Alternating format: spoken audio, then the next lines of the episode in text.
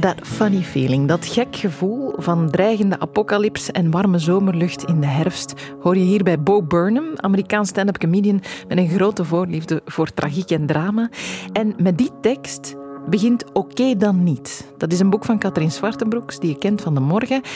En dat heeft een goede reden dat dat boek zo begint. Zo vertelt ze mij, Annelies Moons, en jou in deze aflevering van Voorproevers. Voorproevers. Dag Katrien. Desenchanté, daar begin je mee met een quote uit dat nummer. Maar daarna komt er in je boek een quote van Bo Burnham. Uh, Bo Burnham, voor mensen die hem niet kennen, Amerikaanse stand-up comedian die tijdens de pandemie Inside maakte.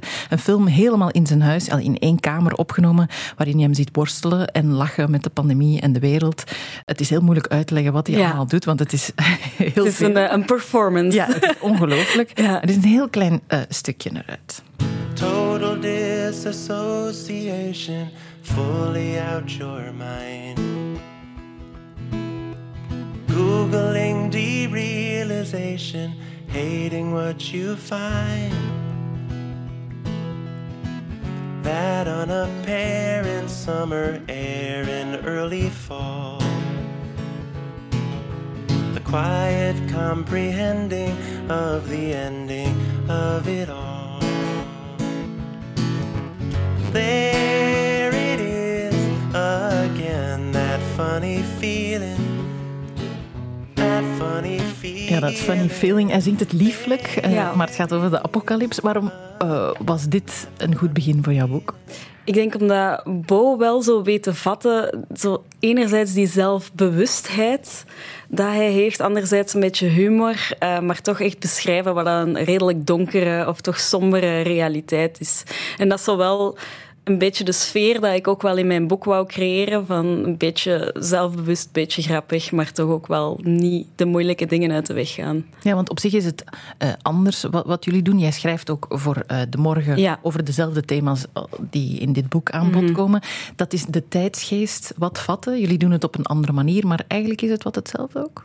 Ehm, ja, het is een ander medium inderdaad, maar ik, ik denk wel dat we op dezelfde manier proberen dat te vertalen, als dat niet een gigantische schouderklop voor mezelf is. Maar eh, ja, dat, dat, dat denk ik wel. Ik merk dat ook wel. Zo dat, er zit zoiets iets cynisch in ehm, dat ik wel kan smaken. Ja, cynisch en ook heel grappig, want ik heb met jouw boek ook vaak eh, gelachen. Het gaat over een funny feeling, eh zie Ja. Mhm. je hier. Daar gaat het ook over in jouw proloog. Een vibe shift. Wat is die vibe shift waar het over gaat? Ja, een vibe shift is eigenlijk echt een hele grote verschuiving of kentering van het leven zoals het is. Heel veel ehm, dingen dat je eerst voor waar aannam, die dan precies niet meer waar blij- blijken. En het is niet iets dat je echt al zo in cijfers of in headlines kan vatten, maar het is inderdaad een gevoel, een funny feeling dat u overvalt wanneer dat je krantenkoppen leest, wanneer dat je naar het radionieuws luistert, wanneer dat je Twitter open doet van mm, er is hier precies wel iets aan de hand met de wereld. Ehm, en het, het, smaakt niet zo heel erg goed. Maar je kunt er nog niet direct je vinger op leggen. Je kunt het nog niet concretiseren. Ja, het gevoel dat denk ik in veel gesprekken ook zit van... Ja. Is dit... Is het erger nu dan zoveel jaar geleden? Of zijn we echt op een gekke plek beland? Ja. Dat onderliggend gevoel. Ja, en dat is heel moeilijk. ehm, dat was voor mij ook heel moeilijk om te definiëren, omdat inderdaad, hè, er zijn in het verleden ook al ehm, dreigingen geweest van een zoveelste nieuwe wereldoorlog. Eh, er zijn in het verleden ook al economische crashes geweest. Eh, maar ik denk, het komt allemaal zo een beetje samen. En op een moment dat we het eigenlijk ook gewoon helemaal niet meer verwacht hadden. Of toch zeker niet de dertigers en twintigers die een beetje zijn opgegroeid met het idee van ja, nooit meer oorlog eigenlijk. Ja, want dat leerden wij wel ook op school. Dat Ja. was, vroeger waren er oorlogen, maar Ja. nu En hebben we de, de Ja. EU en de NAVO en dat gaat, nooit meer gebeuren. Ja, oorlog, dat was echt voor ergens anders. Hè. Dat, was, dat werd op een andermans terrein uitgevochten, om andermans terrein uitgevochten. En plots staat dat dan weer aan onze grenzen en was dat van... Oh, wacht even. Als dat niet klopt, wat klopt er misschien nog niet? En ik besef dat dat een heel naïeve houding was van mij, dat ik daar zo in stond. Want op Maar- zich waren er heel veel plekken waar er wel oorlog was. Uiteraard, ja, ja. En, en dat is echt zo een beetje de, de oogklippen van, dat wij in het Westen hebben opgehad. Hè. Van, inderdaad, door de Europese Unie, dat we dachten van oké, dit dit, dit gaat nooit meer voorvallen. We hebben onszelf ook een beetje de Nobelprijs voor de Vrede eh, toegekend daarvoor.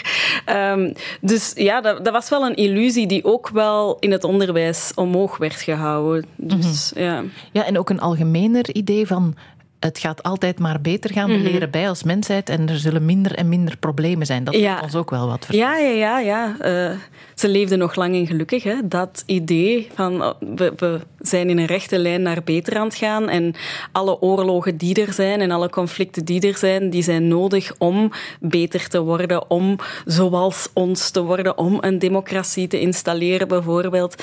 Dat, ja, dat, dat is iets wat dat, eh, Timothy Snyder ook eh, politiek van onvermijdelijkheid noemt. Dat we echt van overtuigd zijn van alles gaat daar naartoe evolueren. En dan moet je zelf ook niks doen eigenlijk. Nee, nee. En dat, dat, is, dat is denk ik een van de grote inzichten dat ik heb gehad. Was van, oké, maar mijn aandeel in de wereld meehelpen beter maken is eigenlijk groter dan dat ik zelf dacht. En dat is op een bepaalde manier een heel angstaanjagend idee, maar langs de andere kant ook wel een hoopvol idee. Dus, maar ja, we hebben dat heel hard onderschat, denk ik, omdat we gewoon dachten van het bolt wel en het zal wel naar het goede bollen en alles komt altijd goed. Eh, en, en zeker eh, mensen die eh, wit, gezond, middenklasse zijn zoals ik, wij hebben wel heel lang met dat idee geleefd. eh, dat dat ook wel zo zal zijn. Ja, ja, en sinds de pandemie, denk Ja. ik dat daar ook een grote rol heeft ingespeeld, is er een soort deksel op de neus en dan Mhm. Dreigende klimaatcrisis die groter en groter wordt.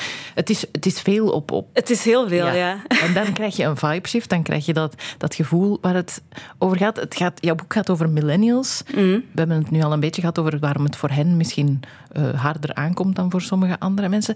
Die, dat, die opdeling tussen millennials en dan heb je na ons en de Gen Z'ers en daarvoor. Eh, is dat nog zinnig?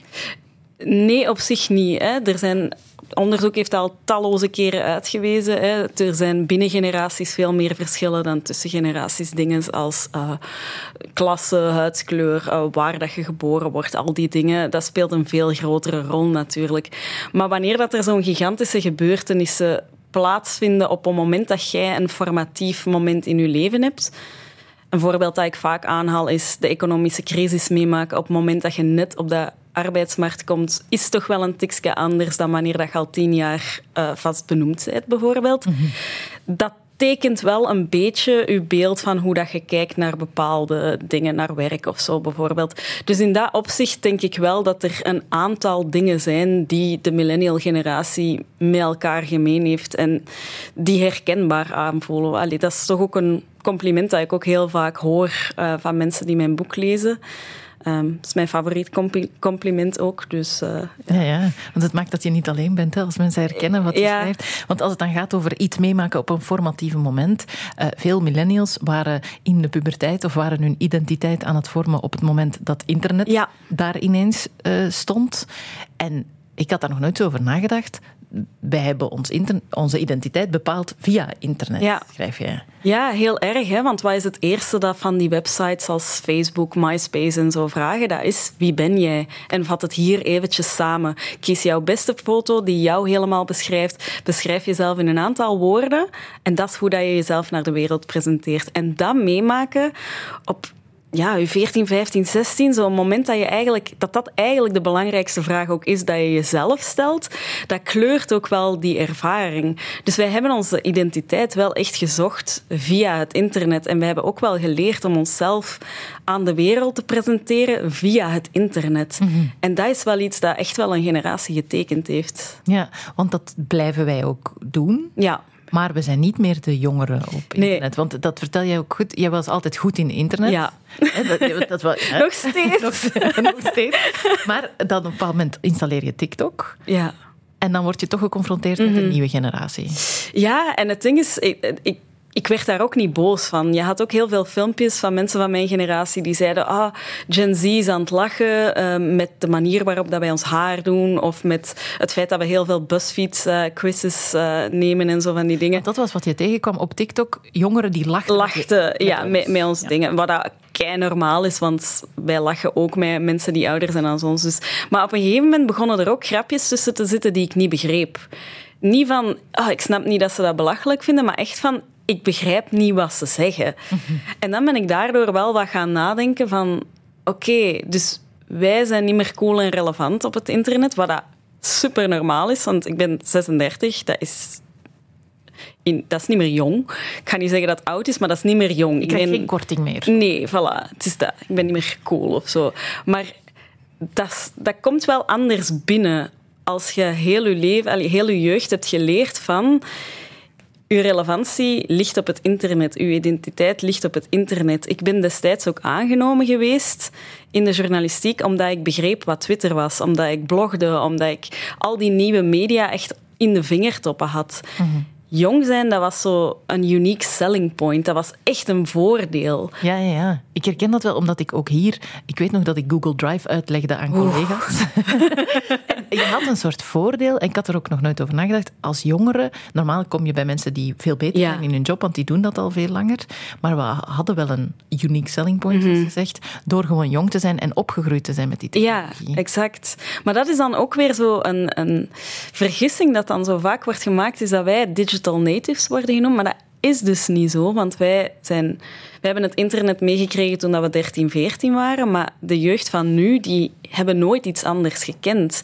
Dus die zijn daar ook veel minder performatief mee bezig. Dat is gewoon een deel van hun leven. Mm -hmm. En daar lachen die dan ook mee met ons van waarom moet jij in je profiel exact zeggen dat jij twee katten hebt en een journalist bent en in Antwerpen woont? Ik bedoel, dat is belachelijk. Zet daar gewoon iets cool of zo. Ja, zet daar gewoon een mopje. Ja, zet daar gewoon een mopje of, of whatever. Wat, um, wat is dan de millennial mindfuck in de titel van jouw boek? Dat is die realisatie van, oké, okay, we zijn niet meer relevant op de media die er ooit voor zorgden dat we relevant waren. En als we niet meer jong zijn, want dat is wat sociale media ons zegt, dan wil dat zeggen dat we volwassen zijn. En dat voelt niet zo. Want als je zegt we zijn niet meer relevant, is dat belangrijk dat we. Dat is op zich niet belangrijk. Um, zeker wat betekent relevantie op sociale media. Hè? Dat, is, dat, is op zich niet uh, dat is op zich niet belangrijk.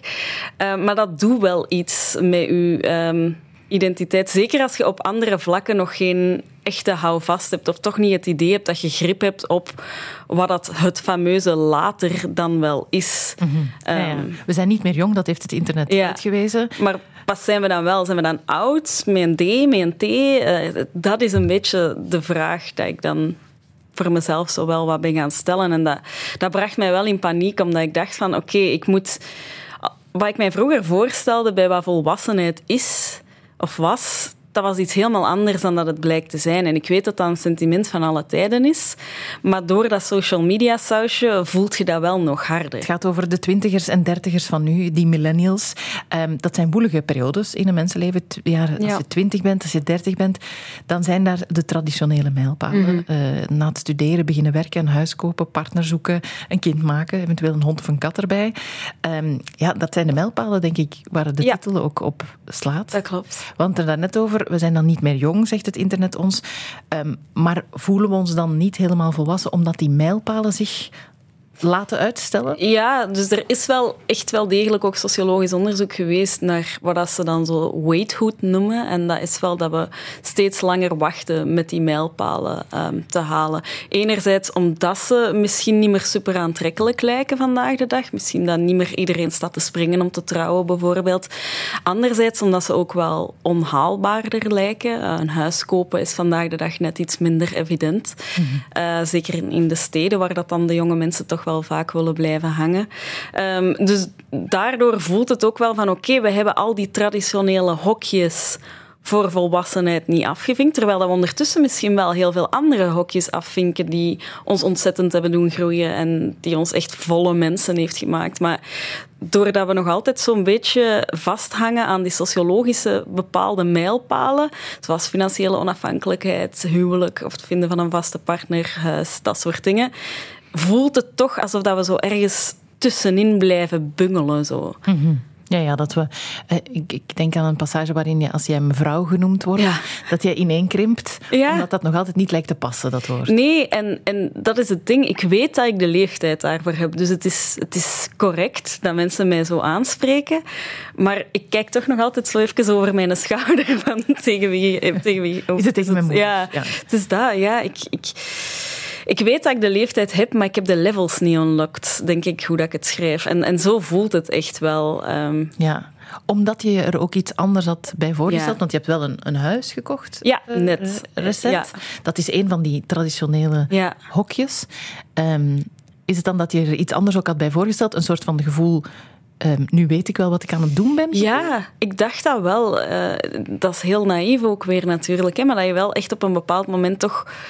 Al was het maar weet welke richting dat je uit wil. Ik denk niet dat iemand ooit het idee heeft van... Ik ben er. Maar wel van, daar wil ik naartoe. En dat is hoe ik er moet geraken. En dat zijn de dingen die ik wil in het leven. En zelfs dat ervaarde ik echt niet. En wanneer dat ik dan met leeftijdsgenoten ging praten voor dat boek, hadden die ook allemaal echt hetzelfde. Van, ik, ik zweef er zo wat tussenin. Ja. Ehm, en die mijlpalen moeten wij ook nu allemaal op een veel kortere periode halen, waardoor dat er ook heel veel druk komt te liggen op ja, tussen pakweg uw 25, wanneer dat de meeste mensen wel klaar zijn met studeren, en pakweg uw 30, want wij zijn opgegroeid met die fameuze 30 under 30 mentaliteit, dat je tegen je 30ste ja, Moet je er zijn. moet je er zijn gewoon. Dus dat is een heel korte tijd, hè? Mhm. Ja, ja, dat is. Dat is, dat is vijf jaar. het, het, het is niet, ik vond dat het nog lang duurde voor het woord burn-out viel. Ja. Ik denk dat pagina 50 was, dat die maar passeerde. Ja. Want dat, is ook wel, dat hangt allemaal ook wat samen. Als je langer wacht met bijvoorbeeld kinderen krijgen, dan is je identiteit nog meer bepaald door je job. Mhm. Ja. Dan ben je ook vatbaarder voor een burn-out. Ja. Het hangt ook allemaal wel wat met elkaar samen. Ja, dat klopt. Ik denk ook wel, die burn-out is... Ja, we worden ook wel de burn-out-generatie genoemd. Eh, ik noem mijzelf niet zo, maar dat is wel effectief. Wetenschappers hebben dat zo gedaan. Deels is het dat er hier wel dat wij hier allebei zitten en dat we allebei ooit al een burn-out hebben gehad. Exact. Ehm, Eh, eh, hoe Ja. noemen ze dat? Niet echt een, eh, een goede steekproef, maar... Nee, kijk, mensen, ja. anekdotiek staat toch wel voor iets soms. Maar ehm, ja, wij worden de burn-out-generatie genoemd omdat we onszelf ook die druk heel hard hebben opgelegd destijds toen dat we een job zochten vlak na of misschien zelfs tijdens die economische crisis was je gewoon echt al blij van ik heb een job. Tegelijkertijd werd ons gezegd van waarschijnlijk ook wel een beetje door de generatie voor ons, die heel vaak in jobs belanden, dat ze misschien niet zo graag deden. Van oké, maar jullie, jullie gaan alles kunnen, want de wereld ziet er supergoed uit, het gaat supergoed. Eh doe maar gewoon je passie, volg je hart. Ehm, ja, zo het hele do what you love and you'll never work a day in your life. Ehm, Terwijl dat je dan eigenlijk net heel de tijd aan het werken bent en je laat je identiteit volledig samenvallen met je job. En dat is wel iets dat onze generatie toch heel hard kenmerkt. Ehm, Het druk, druk, druk. het druk, Ook. druk, druk, dat er gelukkig wel aan het uitgaan is. Ja. ja, want het was op een bepaald moment was het bijna een, eh, een badge die je kreeg van hey, Ja. ik heb het wel super druk. Ja, ja, Het is ja. bijna cool om het heel druk Ja, en vandaag is het een beetje omgekeerd, maar dat, dat geeft dan ook wel weer druk. Vandaag, als je zegt dat je druk bent, dan wil dat zeggen dat je eigenlijk niet de juiste organisatietools hebt en de, niet, de juiste apps, hebt om volledig te ontkoppelen en je me-time in te plannen. Dus We zijn ook wel een vermoeiende generatie. ja, eh, wel, exact. Dus dat is het ook. Die, die vrije tijd wordt ook ineens zo druk, druk, druk. En dat is allemaal zo gemanaged en geoptimaliseerd. En dat is afschuwelijk. Dus ik ben heel erg blij dat het tij aan het keren is. Ja, want nu heb je iets als quiet quitting, waar Ja. het ook over gaat in jouw boek. Wat is dat precies? Ja, eigenlijk is dat geen nieuw concept. Dat is een beetje work to rule. Ehm, dus je doet gewoon wat er in je contractomschrijving staat. En je gaat niet mee overwerken, ook al eet je dan ondertussen gezellig pizza met de collega's. Of je, je gaat niet een zaterdag opgeven voor een borrel. Eh, dat soort dingen. Dus je doet eigenlijk gewoon Wat exact je, jobomschrijving. Ja. Ja, waarop vroeger soms zou gereageerd worden door halfdagske of wat? Ja, ja, ja, ja. Zo Ja, ja, eh, inderdaad. Dat, vroeger wat op neergekeken zou worden, Ja. is nu een generatie die, die daarvoor staat. Wat jouw boek ehm, ook voor een groot stuk is, vind ik, is een ode aan dat twijfelen Mhm. over die mijlpalen en de zoektocht. Want je zegt dan al een paar keer, ik heb gepraat met heel veel mensen. Je hebt ook heel veel gelezen. Ja. Het is een zoektocht naar een nieuw verhaal. We hebben dat verhaal gehoord van die vooruitgang en het gaat altijd maar beter gaan. Is dit dan een zoektocht naar een alternatief daarvoor? Ja, maar zeker niet al het nieuwe verhaal. Het is echt om duidelijk te maken dat die twijfel oké is en dat dat zoeken, dat daar iets super waardevol in, is, in zit. Omdat dat wil zeggen dat je jezelf in vraag gaat stellen, alles wat je verteld is geweest in vraag gaat stellen en dat je echt gaat nadenken van maar wie ben ik en wat wil ik en ja, twijfel of het niet weten, dat is ook heel lang een beetje verguisd geweest. Uh, net omdat wij die status-update-generatie zijn. Hè. Je maakt... daarin kan je niet zeggen, ik, ben, ik weet het eigenlijk nog niet zo goed. Ja, dit en... Nee, je moet zeggen van, ik ga dit doen daarom. Uh, alles is zo heel, heel performatief, waardoor dat je... Ja, waardoor dat je ook echt heel polariserend een beetje te werk gaat. Want enerzijds lijkt het dan alsof dat jij alles wel weet en dat is heel voor mensen die het helemaal niet weten. Anderzijds lijkt dan, omdat je zo hard gaat in die keuze, lijkt een keuze voor iets ook meteen een keuze tegen iets te impliceren. Terwijl heel vaak zijn de dingen die in je leven zijn. Uh, bijvoorbeeld of dat je nu moeder bent of niet, of dat je nu trouwt of niet, of dat je nu een huis koopt of niet zijn ook heel vaak dingen die je overkomen. Mhm. Ehm, en, en niet per se dingen waar je super bewust voor kiest. Dus ja, dat maakt het allemaal wel heel polariserend en vervreemdend. Ja, en defensief ook. Ja. Vaak wordt er heel defensief gereageerd, omdat het lijkt, als ik voor iets kies en jij niet, dat ik dan tegen jou ja, ben. exact. En dat was eigenlijk hetgeen dat mij het meeste opviel tijdens het schrijven van dat boek, was... Mensen waren heel blij dat er meer keuzevrijheid was hè, en dat we meer ja, tijd hebben om te wachten en om na te denken om bepaalde mijlpalen dan te halen. Anderzijds voelden heel veel mensen zich heel eenzaam of kwetsbaar binnen die keuzes. Net omdat ze daar zo hard in moesten gaan en net omdat dat fragiel voelt. En ja, dat was toch wel iets dat zo frappant was dat ik dat wel echt een beetje als rode draad door het boek wou steken. Van, Die twijfel is heel belangrijk. Ook laten zien dat je twijfelt is heel belangrijk. Ja, twijfel is belangrijk en er is nog iets heel belangrijk. En dat uh, komt mooi naar voren in een ander fragment dat in jouw boek staat. Eentje van Kate Tempest. All I've got to say has already been said. You heard it from yourself. When you were lying in your bed and you couldn't sleep. Thinking, couldn't we be doing things differently? I'm listening to every little whisper in the distance singing hymns. And I can, I can feel things changing.